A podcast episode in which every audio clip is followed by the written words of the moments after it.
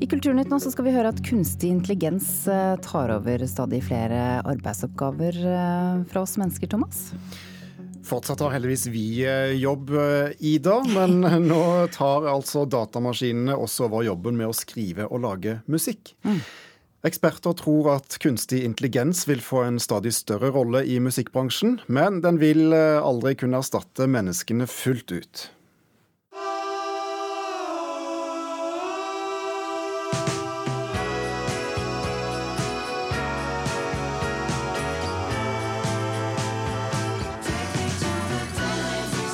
Det du hører her, er en ganske fin, litt Beatles-aktig poplåt som heter 'Daddy's Car'.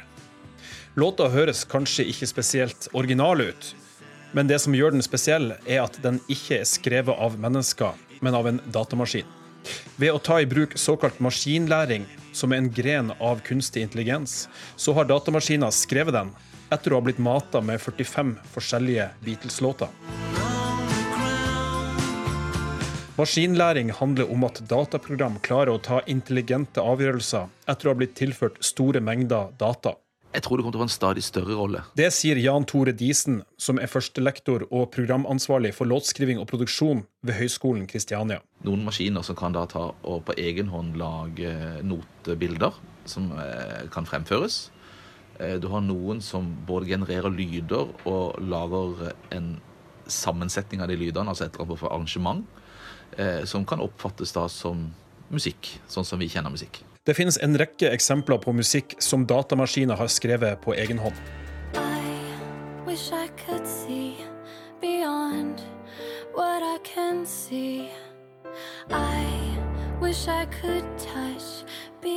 Artisten Taryn Southern gir i disse dager ut et helt album som i sin helhet er komponert og produsert ved hjelp av kunstig intelligens. Og kunstig intelligens får også en rolle i andre kreative bransjer. I Japan klarte nylig en datamaskin å skrive ei bok som kvalifiserte seg for finalen i en litteraturkonkurranse. Disen forventer ikke at hitlistene i framtida blir dominert av låter skrevet av datamaskiner, men han ser klare fordeler med teknologien. Det er jo som i alle andre sammenhenger et interessant verktøy for repetitivt arbeid som mennesker ikke ønsker å gjøre sjøl. Kan man f.eks. sette det ut til eh, ja, orkestrering? Kunne det ha vært en ting? Eh, kunne det ha vært en ting i forhold til det å mikse? Det har de jo prøvd på allerede. Eh, kan det være en måte å få flere opp på et nivå som gjør at det er inspirerende å drive med musikk? Kanskje. Altså at det, det kan hjelpe deg til deler av prosessen. Eller kan kunstig intelligens lage irsk folkemusikk på egen hånd? Ja da, selv om kanskje ikke alle synes det er en god idé. Øyvind Brandtzæg, som er professor ved NTNUs institutt for musikk, har selv lang erfaring i å lage musikk basert på kunstig intelligens. Han tviler sterkt på at musikere og låtskrivere trenger å frykte at de blir arbeidsledige med det første. Vi kan jo se tilbake på hva som skjedde når vi fikk trommemaskiner på 80-tallet. Så var det veldig mange trommeslagere som ble usikker på om, eh, om de kom til å bli uten jobb fordi at nå hadde kommet en maskin som kunne gjøre denne jobben mye bedre, og som holdt takten helt presist.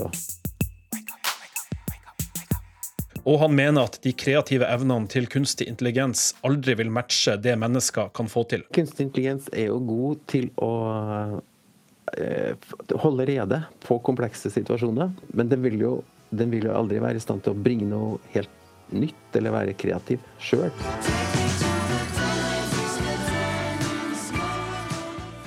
Reporter her var Oddvin Aune.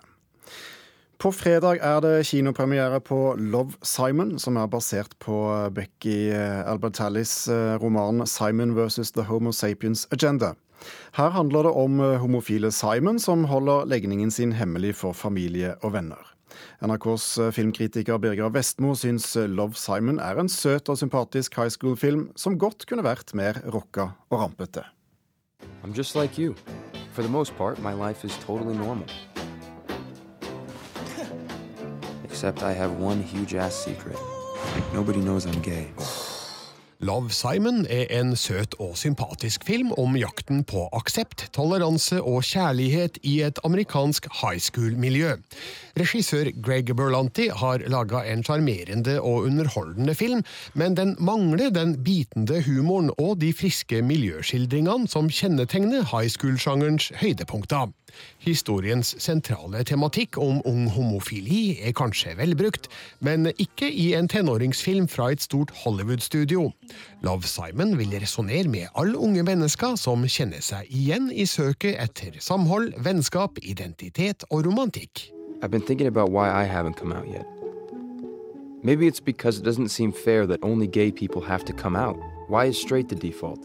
Ingen vet at Simon, spilt av Nick Robinson, er homofil. Når en annen elev på skolen skriver et anonymt blogginnlegg om sitt liv som skaphomse, oppretter Simon en hemmelig e-postkontakt med vedkommende som kaller seg Blue. De utveksler fortrolige tanker med hverandre, og Simon blir besatt av å finne Blues egentlige identitet. Dear Blue, I'm just like you. This was a mistake. Det går raskt i svingene straks Simon har oppretta kontakten med Blue. Det skal ikke mange mailutvekslinger til før han konkluderer med at han rett og slett elsker Blue, uten at filmen helt greier å formidle et troverdig grunnlag for det.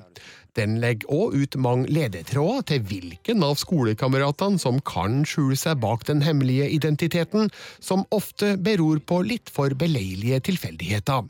Likevel blir interessen pirra, for i Nick Robinsons skikkelse er Simon en såpass sympatisk figur at man opparbeider seg et håp om at det skal gå han vel.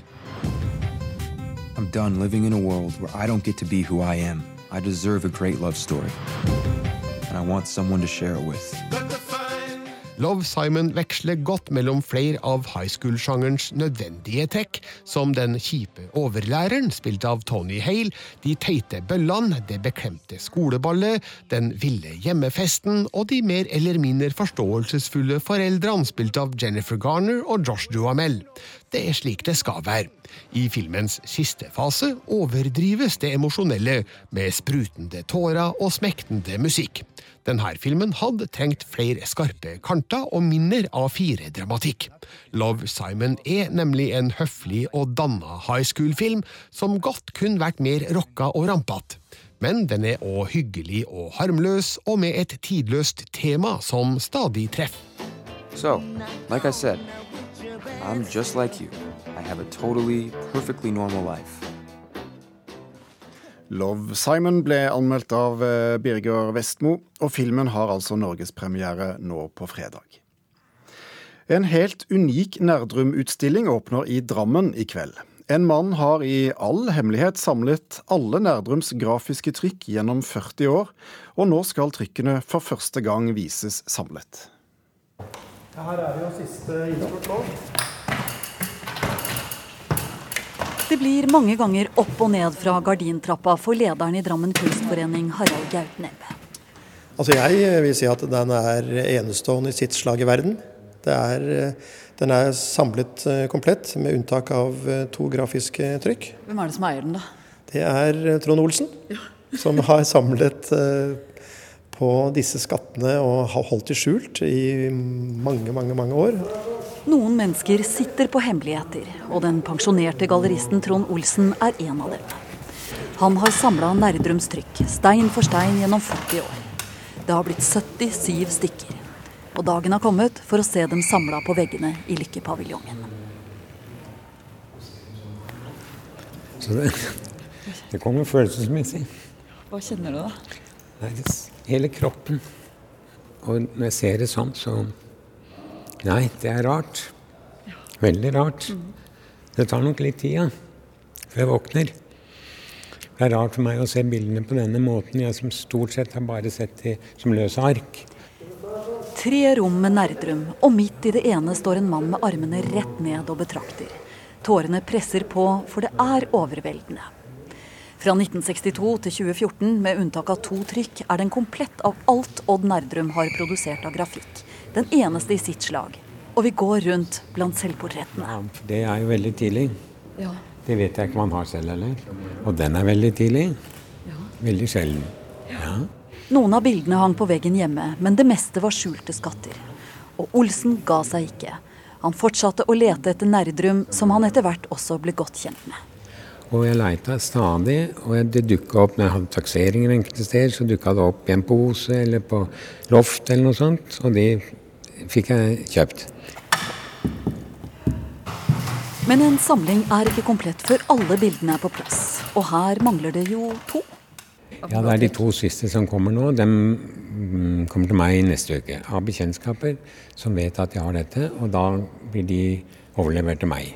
Mm. Ja da. Så jeg blir spent å se åssen de ser ut òg. For du kjøper usett?